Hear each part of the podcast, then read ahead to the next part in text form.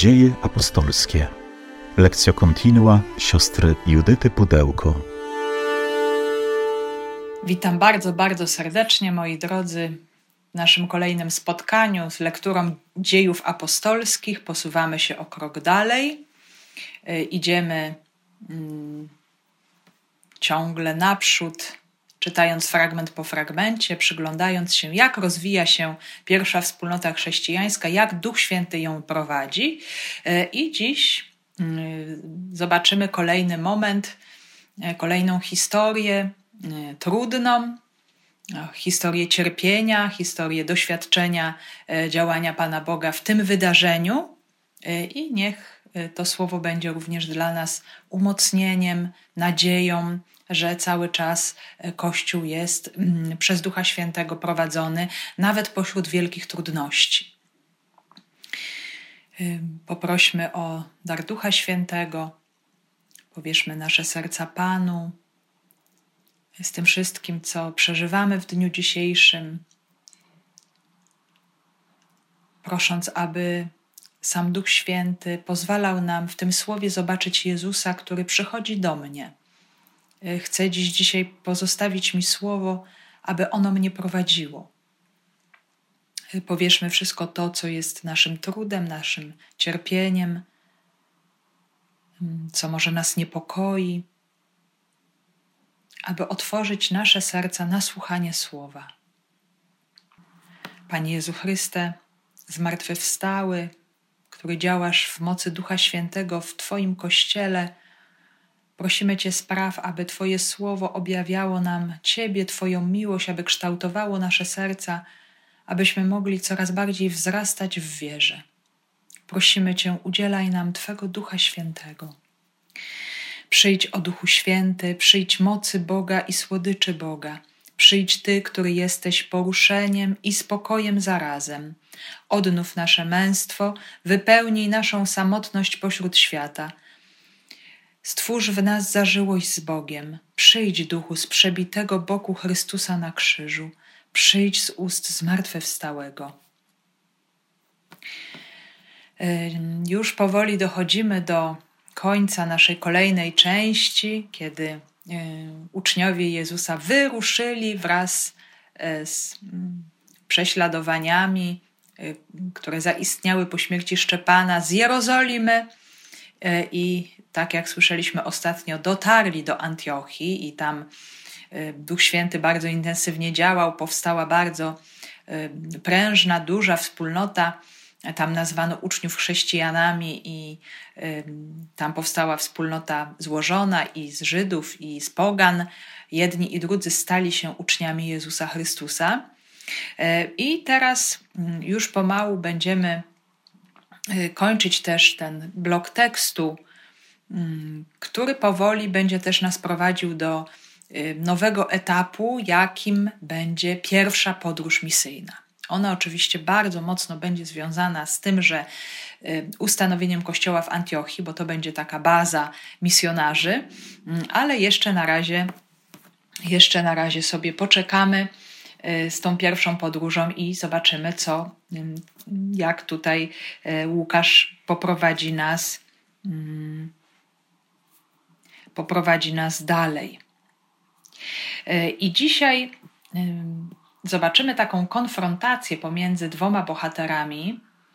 Jak pamiętamy, Piotr po tym niesamowitym wydarzeniu chrztu Korneliusza, stąpienia Ducha Świętego na pogan, po tych wizjach, tych różnych doświadczeniach, e, takich zupełnie niezwykłych działania ducha, powraca do Jerozolimy. No i właśnie zobaczymy dzisiaj jego osobę w konfrontacji e, z człowiekiem, o którym jeszcze nie słyszeliśmy do tej pory, a którego Łukasz, autor dziejów apostolskich, nam przedstawi, a mianowicie z Herodem Agrypą pierwszym. Więc zobaczymy prześladowcę mm, kościoła, zobaczymy uwięzienie i cudowne uwolnienie Piotra, a w następnym razem Zobaczymy, jak Piotr powraca do wspólnoty po tym doświadczeniu, i też usłyszymy o śmierci Heroda i o dalszym rozwoju kościoła. Czyli no, będzie to taka sytuacja, takie zmierzenie się, konfrontacja pomiędzy siłą ludzką, siłą tego świata, która jest przeciwna Bogu i Jego woli, i w jaki sposób tutaj Pan objawi e, swą moc e, w życiu Piotra. Także już o tym naszym kontekście sobie mm, co nieco powiedzieliśmy. Cały czas pamiętamy o tym dynamicznym rozwoju Kościoła, który się rozprzestrzenia już nie tylko w Palestynie, nie tylko e, Judea, Samaria, Galilea, czy nawet wybrzeże nadmorskie, ale słyszeliśmy o Cyprze, o Fenicji, w końcu o Antiochii Syryjskiej i o tym, że do kościoła zaczynają wchodzić poganie, czyli ta wspólnota się coraz bardziej powiększa, staje się coraz bardziej znacząca. To już jest nie tylko małe ugrupowanie wewnątrz judaizmu, chociaż cały czas judeochrześcijanie są bardzo mocno związani z synagogami, mm, to jednak y, no, ta wspólnota doświadcza bardzo wielu też przeobrażeń. Y, słyszeliśmy o wspaniałej pracy misyjnej Barnaby, który był przedstawicielem apostołów Kościoła Jerozolimskiego dla Antiochii, o tym jak pracował on bardzo gorliwie przez cały rok razem z Szawłem, którego przyprowadził z Tarsu, że znalazł właściwego współpracownika, e, człowieka przygotowanego do e, pracy e, właśnie wśród pogan, wśród ludzi myślących zupełnie inaczej niż ludność żydowska i z wielką mocą objawiało się tam Boże działanie E, wielu ludzi przyjmowało wiarę, otwierało się e, na łaskę zbawienia. Więc e, ta wspólnota stała się na tyle dojrzała, że jak usłyszeliśmy pod koniec wcześniejszego fragmentu, kiedy w Judei mm, doszło do klęski głodu, Kościół w Antiochii wspiera materialnie kościoły Judei, czyli jest ta więź pomiędzy wspólnotami, jest właśnie też to bardzo praktyczne przełożenie wiary, nauki Jezusa Chrystusa, która też się przejawia właśnie w tej komunii, w tej miłości braterskiej pomiędzy kościołami. I zobaczmy, co dzieje się dalej. Z dziejów apostolskich. W tym także czasie Król Herod zaczął prześladować niektórych członków kościoła. Ściął mieczem Jakuba, brata Jana. A gdy spostrzegł, że to spodobało się Żydom, uwięził nadto Piotra. A były to dni prześników. Pojmawszy go, osadził w więzieniu i oddał pod straż czterech oddziałów po cztery żołnierzy każdy, zamierzając po święcie Paschy wydać go ludowi. Strzeżono więc Piotra w więzieniu, a Kościół modlił się za niego nieustannie do Boga. W nocy, po której Herod miał go wydać, Piotr, skuty podwójnym łańcuchem, spał między dwoma żołnierzami, a strażnicy przed bramą strzegli więzienia. Wtem zjawił się anioł pański i światłość zajaśniała w celi. Trąciwszy Piotra w bok, obudził go i powiedział: Wstań szybko. Równocześnie z rąk Piotra opadły kajdany. Przepasz się i włóż sandały, powiedział mu anioł. A gdy to zrobił, rzekł do niego: Narzuć płaszcz i chodź za mną. Wyszedł więc i szedł za nim, ale nie wiedział, czy to, co czyni anioł, jest rzeczywistością. Zdawało mu się, że to widzenie. Minęli pierwszą i drugą straż i doszli do żelaznej bramy prowadzącej do miasta. Ta otwarła się sama przed nimi. Wyszli więc Przeszli jedną ulicę i natychmiast anioł odstąpił od niego. Kiedy Piotr przyszedł do siebie, powiedział: Teraz wiem na pewno, że Pan posłał swego anioła i wyrwał mnie z rąk Heroda i z tego wszystkiego, czego oczekiwali Żydzi. W tym czasie król Herod zaczął prześladować niektórych członków kościoła. Słyszymy tutaj o Herodzie i możemy sobie to kojarzyć z dwoma Herodami, których znamy też z innych miejsc Nowego Testamentu. Pamiętamy Heroda Wielkiego, e, tego, którego łączymy z rzezią niemowląt, kiedy Jezus się rodzi. Oczywiście nie chodzi o tego Heroda. Słyszymy też o Herodzie Antypasie, władcy Galilei, tym, który nakazał ściąć Jana Chrzciciela w więzieniu.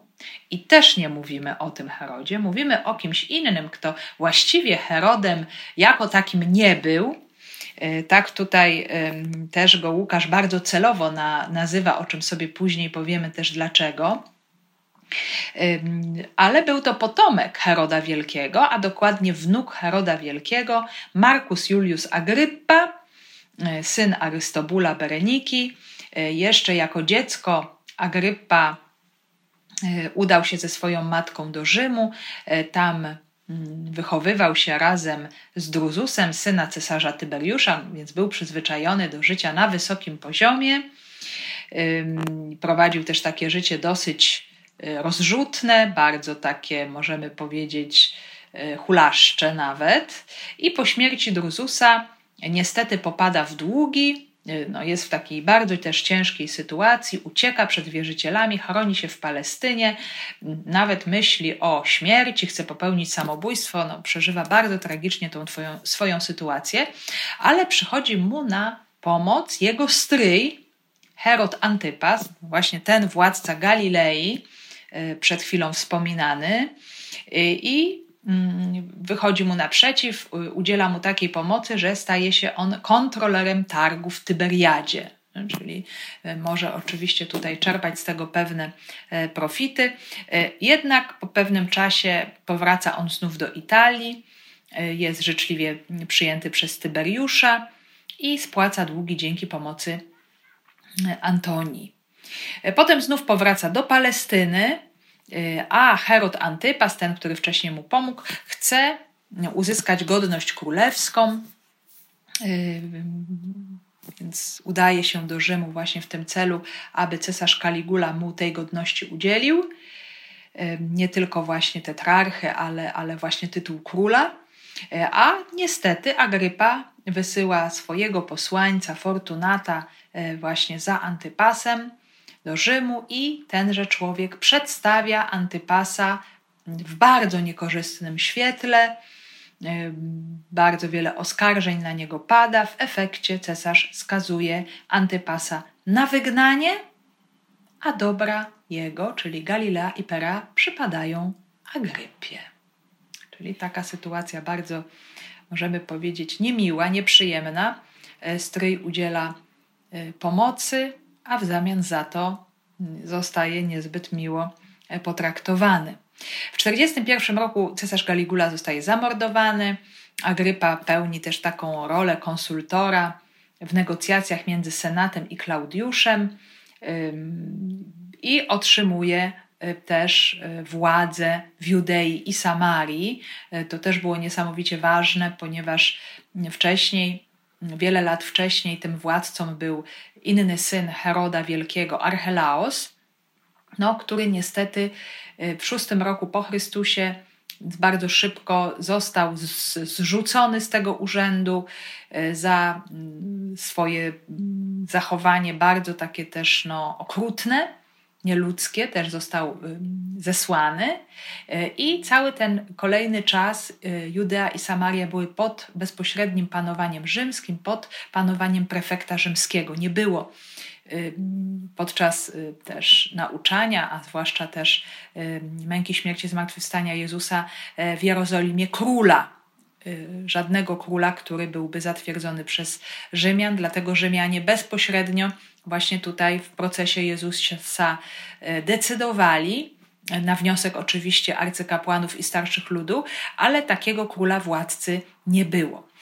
Teraz jest sytuacja inna, jest król, jest władca, który pomimo iż był bardzo poddany zwyczajom Y, greckim i rzymskim, więc takiemu stylowi życia pogańskiemu hołdował, to jednak y, potrafił sobie na różne sposoby zaskarbić faryzeuszów.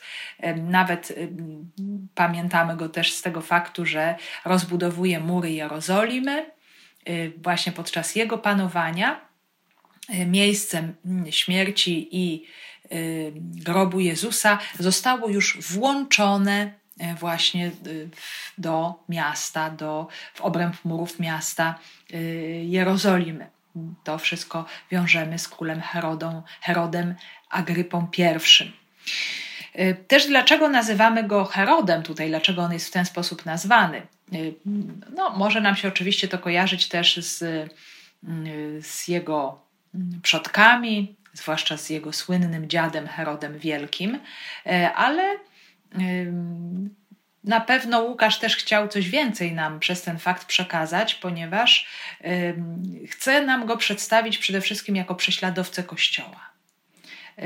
I dlatego właśnie Herod, czyli ten, tak samo jak ten, który dokonał rzezi niemowląt betlejemskich, e, który chciał zgładzić Chrystusa, tak samo jak ten, który e, kazał ściąć Jana Chrzciciela, pojawia się właśnie podobny człowiek, który teraz prześladuje Kościół. Co ciekawe, syn Agrypy I, Agrypa II, który również pojawi nam się w dziejach apostolskich, już nie będzie nazwany Herodem, będzie nazwany po prostu Agrypą, królem Agrypą y, i możemy sobie go skojarzyć jako człowieka bardzo przychylnego. Podczas procesów w Cezarei y, w sposób bardzo życzliwy będzie się odnosił do świętego Pawła. Y, I mm,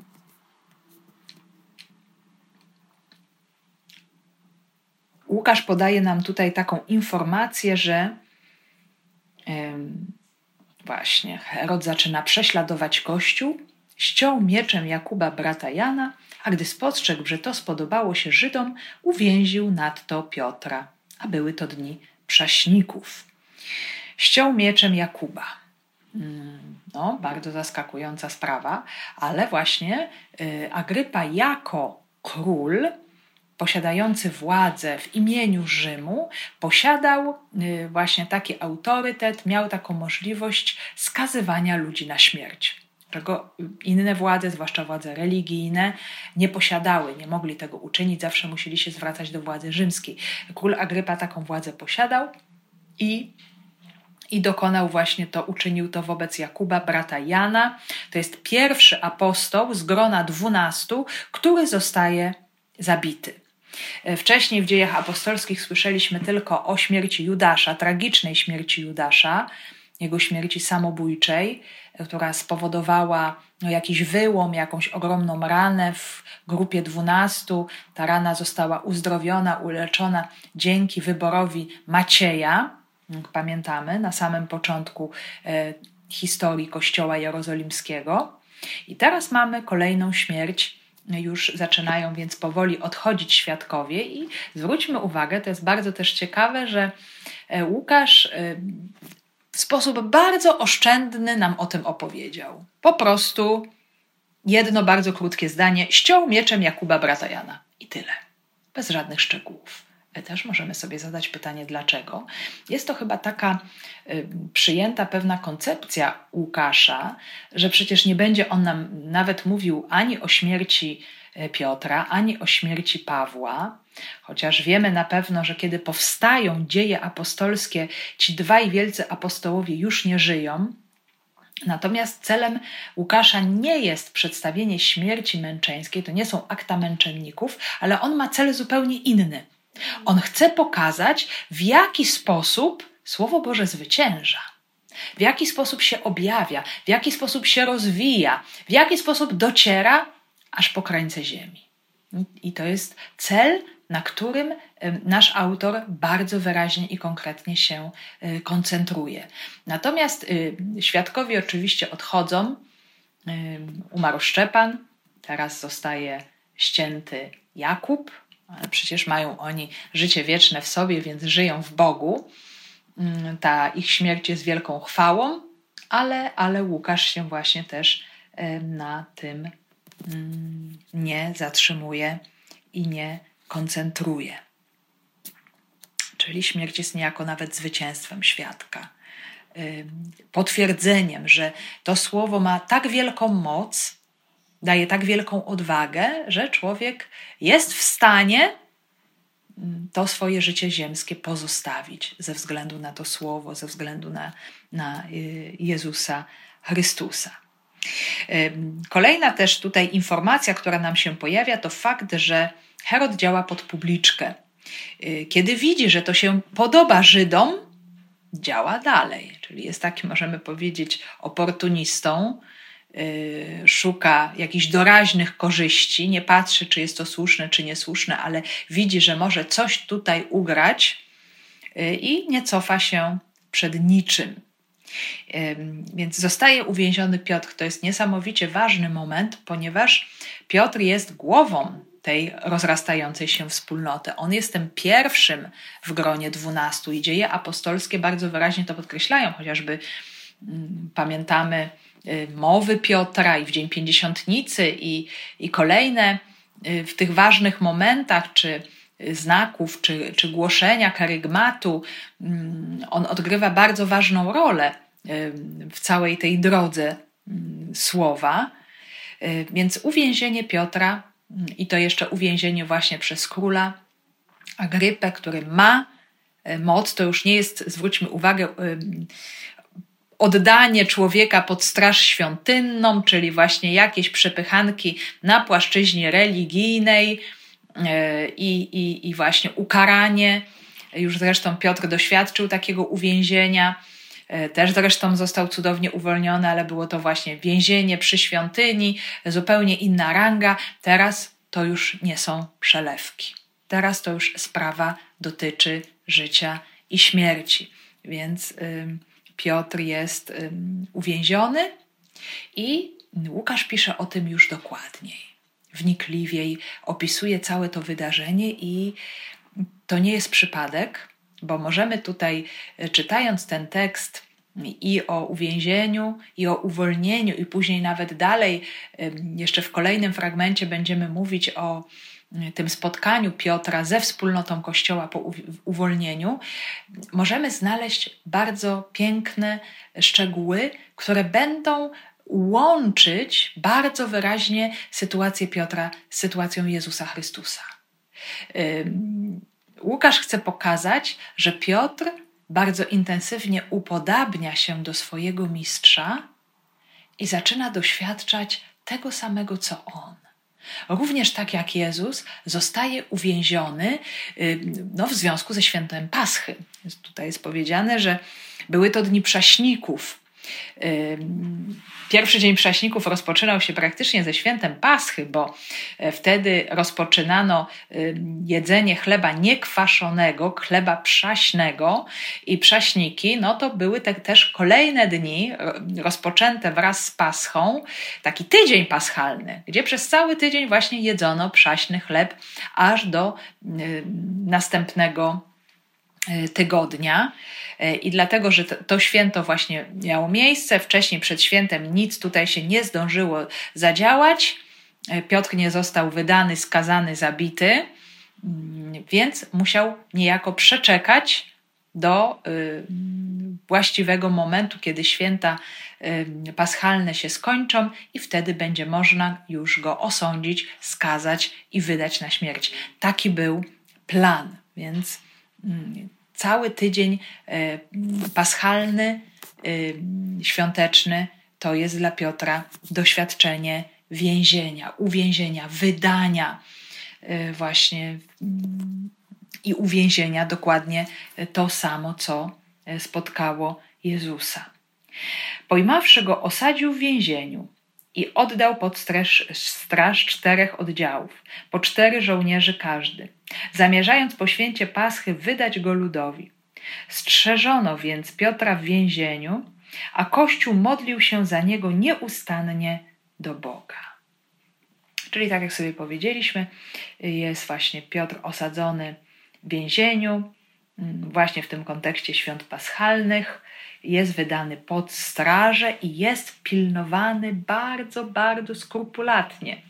E, jest oddany pod straż czterech oddziałów po czterech żołnierzy, czyli szesnastu żołnierzy we dnie i w nocy na zmianę pilnuje Piotra. Właśnie tak jakby był bardzo niebezpiecznym przestępcą.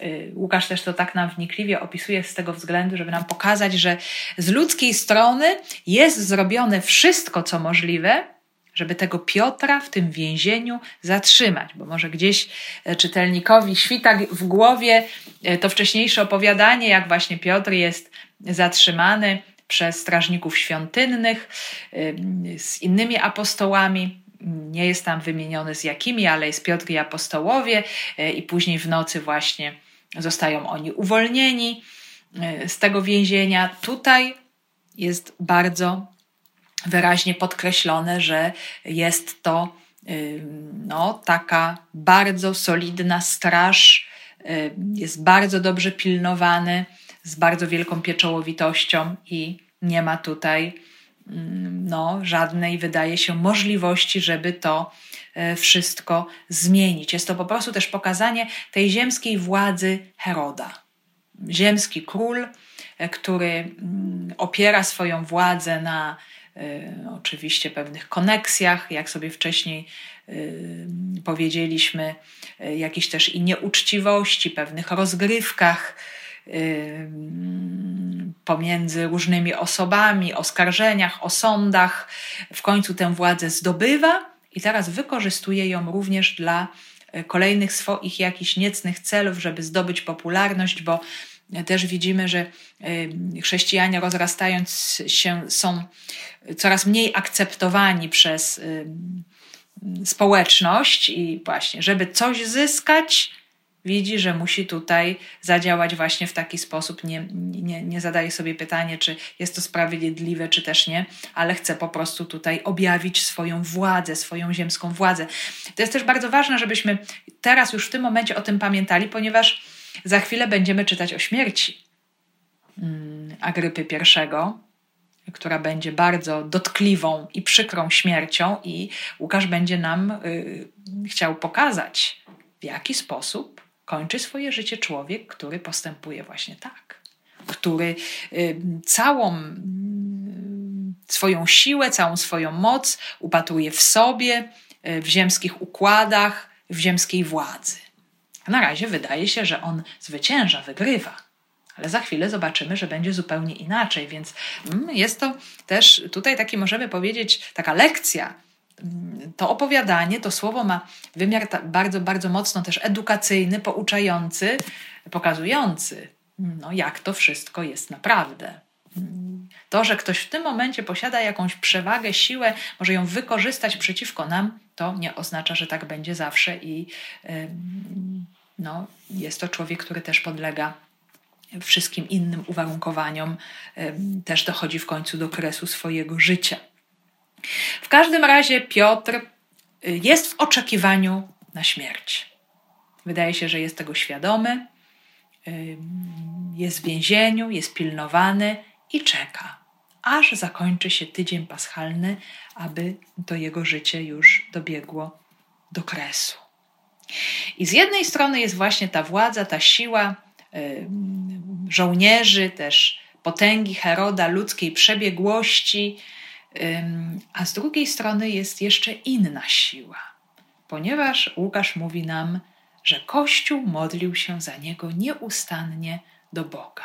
To jest właśnie ta zupełnie inna siła, e, siła wspólnoty, która jest zjednoczona. E, co ciekawe, nie narzeka, nie lamentuje, Boże, dlaczego, że odbierasz nam tego, który jest naszą głową, który jest znakiem Twojej obecności, nie ma tutaj nic takiego, natomiast wspólnota modli się nieustannie. Jest ciągle właśnie w tej postawie gorącego wołania do Boga o ratunek, prośba o brata w trudnościach. I myślę, że to jest też bardzo ważne. Mamy tutaj dużo tych elementów, które pokazują te więzi we wspólnocie Kościoła, właśnie tę wzajemną pomoc, wspieranie się, czy materialne, czy duchowe, że oni nie przeżywają tych swoich trudności w pojedynkę, ale y, ta więź, którą tworzy Duch Święty w sercach wierzących, sprawia, że y, wspierają się nieustannie i też na różne sposoby. W nocy, po której Herod miał go wydać, Piotr, skuty podwójnym łańcuchem, spał między dwoma żołnierzami a strażnicy przed bramą strzegli więzienia. Wtem zjawił się anioł pański i światłość zajaśniała w celi. Trąciwszy Piotra w bok, obudził go i powiedział: Wstań szybko. Równocześnie z rąk Piotra opadły kajdany. Zwróćmy bardzo wyraźnie uwagę też na czas y, tego, co się mm, tutaj dzieje w opisie Łukaszowym. To jest też bardzo ważne bo to jest ostatnia noc tygodnia prześników. Czyli ten czas Piotra dobiega końca. Więc możemy powiedzieć nawet, to jest ostatnia noc jego życia. Już właśnie zaraz ona się skończy i po tej nocy Piotr, y, Herod ma wydać Piotra, czyli to jego życie ma się, ma się zakończyć. I tu można by było zadać sobie pytanie, czy w takim razie Pan zapomniał o Piotrze? Kościół się modli i nic, i nic się nie dzieje. I zobaczmy, to jest cały tydzień oczekiwania. I to jest noc, więc to jest sytuacja takiego ogromnego trudu, zmagania. No Piotr śpi, czyli widać ufa Panu. Nie jest w jakimś przerażeniu, ale e, ten sen w jakimś sensie też symbolizuje jego śmierć, tę śmierć, która się zbliża. E, I co nam pokazuje cały ten obraz, że Bóg przychodzi bardzo często w ostatnim momencie. Tak jak to było z uczniami, jak pamiętamy, kiedy się trudzili przy wiosłowaniu, była burza na jeziorze, on przychodzi nad ranem. On przychodzi już o czwartej straży nocnej, mm, kiedy już mm, byli oni zupełnie pozbawieni sił, i wtedy działa. To jest też ta noc, y, która tak bardzo mocno i wyraźnie może nam się kojarzyć z nocą paschalną, y, kiedy Bóg stanął bardzo wyraźnie w obronie swojego ludu, swojego pierworodnego syna, jakim był Izrael. I to jest właśnie też taki przedziwny obraz, który nam pokazuje działanie Pana Boga. Bóg, który przychodzi ocalić w ostatnim momencie. Ta wiara, możemy powiedzieć, jest, jest wystawiona na ogromną próbę. Y, to jest, możemy powiedzieć, ta droga wędrówki Abrahama przez noc, i dzień, i trzy dni wędrówki, i dopiero w ostatnim momencie, jak pamiętamy, kiedy, kiedy już Abraham podnosi nóż, wtedy następuje zmiana. I tutaj też podobnie, ten ostatni moment, ta ostatnia chwila, cały tydzień oczekiwania, yy, podczas którego nic się nie działo, i teraz dopiero no, coś, coś tutaj się dzieje.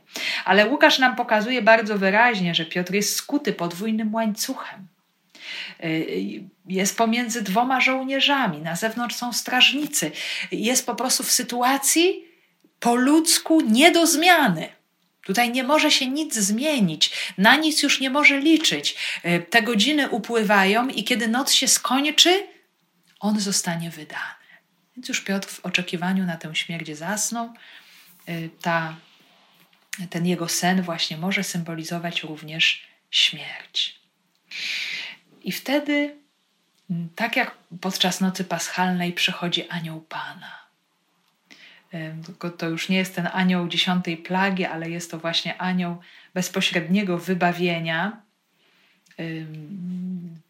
To wybawienie jest nieprawdopodobnie wielkie, e, wspaniałe, bo właśnie z tak ciężkiej sytuacji, z tak silnego zamknięcia, e, uwięzienia, unieruchomienia, wchodzi anioł i w ciemnej celi od razu pojawia się światło. To jest właśnie ten e, niesamowity, piękny znak obecności Boga, który jest światłością rozświecającą każdy mrok człowieka. I mocnym ruchem budzi Piotra. Go możemy powiedzieć nawet e, właśnie trącił go w bok, budzi go takim silnym ruchem, silnym dotykiem, jakby wyrywa go E, z tego snu śmierci, e, każe mu wstać. I ta scena bardzo wyraźnie nawiązuje do zmartwychwstania Jezusa. Ale też nie wiemy, kiedy ono się dokonało. Najprawdopodobniej w nocy albo pod koniec nocy. Wiemy, że rano już grób był pusty. Mamy też e, z przekazów Ewangelii świadectwo mówiące o mężu czy mężczyznach w lśniących szatach, którzy byli identyfikowani właśnie z aniołem, aniołami, czyli ta sytuacja nam się tutaj powtarza. Piotr w swoim życiu doświadcza właśnie tego przejścia paschalnego, doświadcza wejścia w zagrożenie życia, który już był pierwszym krokiem mm, do śmierci i doświadcza jak Bóg interweniuje, jak wyprowadza. To doświadczenie na pewno musiało też bardzo mocno budować jego wiarę w zmartwychwstanie, że Bóg ma władzę nad wszystkim, absolutnie bezgraniczną, wielką. E, potrafi wyprowadzić człowieka podnieść człowieka właśnie z każdego zagrożenia, z każdej śmierci. Mm, I, i on właśnie tego w tym momencie doświadcza, ma powstać. Tutaj jest użyte też to słowo, które jest użyte przez ewangelistów w opisie zmartwychwstania Jezusa, powstania z martwych, podniesienia Jezusa z martwych. Piotr również zostaje obudzony i podniesiony. I to bardzo wyraźnie właśnie nam się odnosi do, do rzeczywistości zmartwychwstania. Przepasz się i włóż sandały, powiedział mu anioł. A gdy to zrobił, rzekł do niego: Narzuć płaszcz i chodź za mną. Wezwanie do pośpiechu, ubranie się, sandały, płaszcz, przepasanie się to jest szykowanie się do wyjścia. To jest właśnie kolejny element paschalny, kolejny element odnoszący nas do eksodusu, do wyjścia z domu niewoli. I Piotr tak dosłownie wychodzi z domu swojej niewoli, tego domu, który go więził. Zostaje wyprowadzony z tego domu przez Pana, właśnie w pośpiechu, szybko, natychmiast. Piotr właśnie doświadcza tego wyprowadzenia też, tego wyjścia, i anioł jest tutaj przewodnikiem, i Piotra e, dalej wyprowadza. Wyszedł więc i szedł za nim, ale nie wiedział, czy to, co czyni anioł, jest rzeczywistością. Zdawało mu się, że to widzenie. Minęli pierwszą i drugą straż i doszli do żelaznej bramy prowadzącej do miasta. Ta otwarła się sama przed nimi. Wyszli więc, przeszli jedną ulicę i natychmiast anioł odstąpił od niego. To całe wydarzenie jest bardzo tajemnicze. Piotr jeszcze przed chwilą spał, więc y, no jest zszokowany tym wszystkim, co się dzieje. Zupełnie się też tego nie spodziewał. Jest to bardzo, bardzo tajemnicze, więc Piotr nie ma pewności, czy to mu się śni, czy to jest widzenie, czy to się dzieje naprawdę, czy ja idę, czy ja naprawdę wychodzę z tego więzienia, czy ktoś mnie naprawdę z tego więzienia wyprowadza. I widać, że nie kontroluje tej sytuacji. Nie umie powiedzieć do końca, co się dzieje, czyli jest poddany jest prowadzony, jest poddany działaniu Bożemu. To nie jest jego siła, to nie jest jego inicjatywa. On jest tutaj całkowicie zależny od mm, tego wszystkiego, co się dzieje. Jest po prostu prowadzony e, przez anioła pańskiego. No ale idą, no ale przechodzą. To dociera do jego wzroku, że zresztą wyszli z tego więzienia, te kajdany opadły, ci strażnicy nie zareagowali, ale są kolejne straże. I Piotr z aniołem przechodzą obok. Nie wiemy, bo nie jest to powiedziane, czy strażnicy spali w tym momencie, czy może ym, przechodzący nie zostali dostrzeżeni, stali się jakby niewidoczni dla strażników, zupełnie w innym wymiarze. Jakoś dokonało się to wydobycie się właśnie z tej, z tej rzeczywistości. Potem dalej idą i brama otwiera się sama.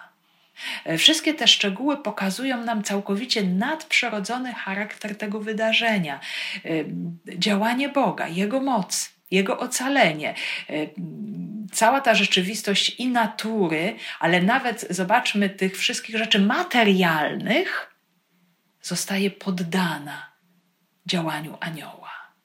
E, tak możemy to sobie odnieść do rzeczywistości Jezusa, który z wstaje, ten grób, y, ten kamień, pieczęcie, zamknięcie w grobie, te płótna, to nic nie jest w stanie zatrzymać Jezusa, Pana życia właśnie w tym miejscu, gdzie był pochowany.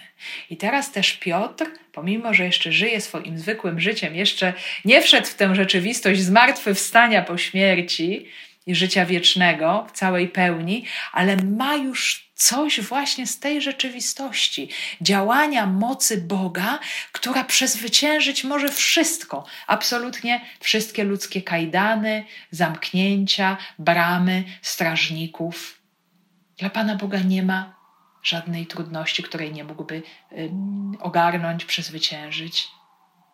Dla Niego to jest wszystko proste. I tak te wszystkie rzeczy muszą wobec, wobec mocy Bożej y, całkowicie ustąpić. Kiedy Piotr przyszedł do siebie, powiedział: teraz wiem na pewno, że Pan posłał swego anioła i wyrwał mnie z rąk Heroda i z tego wszystkiego, czego oczekiwali Żydzi. Y, po jakimś czasie Piotr wraca do siebie i nie jest tutaj powiedziane, że wrócił do swojego domu, ale e, bardziej tutaj chodzi o fakt tego, że Piotr wraca do, do jakiejś świadomości, do przytomności, do jakiegoś rozumienia tego, co się dzieje, czyli do, czyni jakąś refleksję mm, w swoim umyśle próbuje zracjonalizować to, czego doświadczył, bo wcześniej to, to było właśnie jakieś doświadczenie, miał pewne wrażenia, oczywiście pewne bodźce, coś widział, czegoś doświadczył, coś czuł, ale w ogóle nie potrafił zrozumieć tego, co się stało. Dopiero po pewnym czasie e, Piotr właśnie podejmuje tę refleksję nad tym wydarzeniem, co się tak naprawdę ze mną stało. Y, co się stało? Byłem uwięziony, już nie jestem uwięziony. Y, czyli właśnie ta racjonalizacja doprowadza Piotra do tego, że on odkrywa w tym wszystkim działanie Pana Boga. Właśnie mówi, że to Pan posłał swojego anioła, wyrwał mnie z rąk Heroda. Czyli Piotr doświadczył, doświadczył tego, ale teraz też nazwał to po imieniu. To jest właśnie to, to zadziałał Bóg. I tutaj objawiło się ta racjonalizacja wydarzenia, ale jednocześnie też ogromne wyznanie wiary w tej sytuacji, że y, w tej konkretnej mm, sprawie Bóg zadziałał w sposób bardzo, bardzo realny, ale też nadzwyczajny, cudowny. Moje życie było zagrożone i zostałem ocalony. Pan je wyrwał z rąk Heroda. Już wydawało się, że nic nie może mi pomóc, a jednak Pan w tej sytuacji zadziałał. Tutaj ten obraz tego wyrywania z rąk y, prześladowcy jest takim też bardzo typowym biblijnym określeniem y, właśnie w różnych psalmach, lamentacjach, y, które przechodziły później w psalmy ufności. Słyszymy właśnie o, o, o tych doświadczeniach życiowych orantów modlących się, którzy dziękują Bogu za to, że zostali wyrwani niejako z sideł śmierci, z zagrożenia życia, z rąk nieprzyjaciół, sytuacji absolutnie niemożliwej do przezwyciężenia. I Piotr właśnie tego doświadcza i Piotr to y, wyraża. To Pan to uczynił. To jest też, myślę, też y, bardzo ważne dla nas, mm, dla nas wszystkich. I Piotr też jest coraz bardziej świadomy, że niechęć do tej wspólnoty uczniów Jezusa coraz bardziej wzrasta w Jerozolimie. O ile na samym początku, jak pamiętamy, kiedy Y, Piotr i Jan uzdrowili chromego od urodzenia. Y, ludzie się zachwycali y, no, tymi wydarzeniami, tymi czynami, przypatrywali się uczniom. Wielu zresztą przyłączyło się do, do wspólnoty uczniów, przyjmowało chrzesta, wspólnota zaczęła rosnąć. To powodowało coraz większą zazdrość, niechęć. Nie chciano przyjąć słów, które Piotr wypowiadał, czy przynajmniej ci przywódcy ludu byli bardzo przeciwni. Więc y, ta początkowa przychylność, y, przynajmniej części ludu, zamieniła się w ogromną wrogość. Y, ta wrogość będzie cały czas narastać, będzie coraz większa. I Piotr jest coraz bardziej tego świadomy. On już, no, tak nie jest to powiedziane wprost, ale pewnie spodziewał się, że no, to jego życie już może dochodzić do kresu, że może Pan już go woła, a jednak teraz poznaje, że wolą Pana jest jeszcze coś innego. Y, że ma jeszcze tutaj służyć wspólnocie, służyć Kościołowi i, i że to jego życie jest naprawdę i, w rzeczywistości w ręku Boga. On, on tym życiem kieruje, to życie od Niego zależy, a nie od żadnego człowieka. I Piotr sobie już to wszystko uświadomił. Właśnie snuje tą refleksję w swoim sercu. Nie wiemy, czy idąc jeszcze, zmierzając w kierunku swojej wspólnoty, bo musi pójść do tej wspólnoty i ogłosić to wszystko, co się stało, dać świadectwo. Będziemy o tym słyszeć następnym razem. To jest niesamowicie ważne. On sam to odkrył, sam rozpoznał, sam uwierzył, sam zobaczył działanie Boga w tej niemożliwej sytuacji i teraz będzie chciał podzielić się, dać świadectwo we wspólnocie. Właśnie tego, czego doświadczył mm, od Boga w sytuacji ekstremalnego zagrożenia życia. Także, moi drodzy, patrząc na, na ten tekst, na to słowo, możemy powiedzieć, że Piotr właśnie doświadczył tutaj takiego swoistego zmartwychwstania. To było zmartwychwstanie oczywiście wyrwania go z zagrożenia życia. Wiemy doskonale, że to życie Piotra i tak się skończy i że to nieuchronnie idzie w kierunku męczeństwa, oddania życia. Zresztą Jezus zapowiedział Piotrowi później za mną pójdziesz, teraz jeszcze nie możesz za mną pójść, ale, ale swoje życie w pewnym momencie za mnie oddasz, kiedy będziesz gotowy, e, kiedy ta Twoja godzina przyjdzie. Ale ta sytuacja, to doświadczenie na pewno musiało niesamowicie umocnić wiarę Piotra E, musiało dodać mu jeszcze tym bardziej odwagi, tej pewności, e, że Bóg po raz kolejny objawił swoją moc, zadziała w moim życiu. Moi drodzy, my możemy się tak mm, przypatrzeć e, Piotrowi jeszcze w tym momencie w sposób bardziej intensywny, też mając na względzie, że ta historia Piotra w dziejach apostolskich nam się kończy. Za chwilę zaczniemy mówić przede wszystkim o E, Szawle, który za chwilę stanie się Pawłem, wielkim apostołem narodów. No, Piotr będzie już taką postacią drugoplanową, epizodyczną. Natomiast teraz spróbujmy w naszej też osobistej modlitwie zatrzymać się nad osobą E, Piotra, nad tymi doświadczeniami, które miał, e, jak bardzo Pan Bóg go zadziwia, jak bardzo prowadzi go w sposób niezwykły przez te wizje, przez te nowe doświadczenia, przez wejście pogan do kościoła, przez te różne nowości, których doświadcza, przez znaki i cuda i coraz większą wiarę, która rozlewa się w sercach i Żydów, i, i pogan, i, i kościoła, który wzrasta. I teraz sam osobiście doświadczył, tej wielkiej troski Boga wobec siebie. Doświadczył Boga, który przychodzi w ostatnim momencie, aby ocalić jego życie. Że moi drodzy, zapraszam Was bardzo serdecznie do yy, takiego spojrzenia na swoje własne życie. Czy jest może jakieś więzienie, z którego Pan mnie wyprowadził? Czy jest może jakaś trudna sytuacja, w której jeszcze trwam i oczekuję? Na tę ostatnią noc, aby tego doświadczyć, spróbujmy przyjrzeć się temu, czego już doświadczyliśmy w naszym życiu i trwać w wierze, w ogromnym zaufaniu, że Pan przyjdzie i będzie działał zgodnie ze swą wolą w naszym życiu, zgodnie z tym, co jest dla nas najlepsze.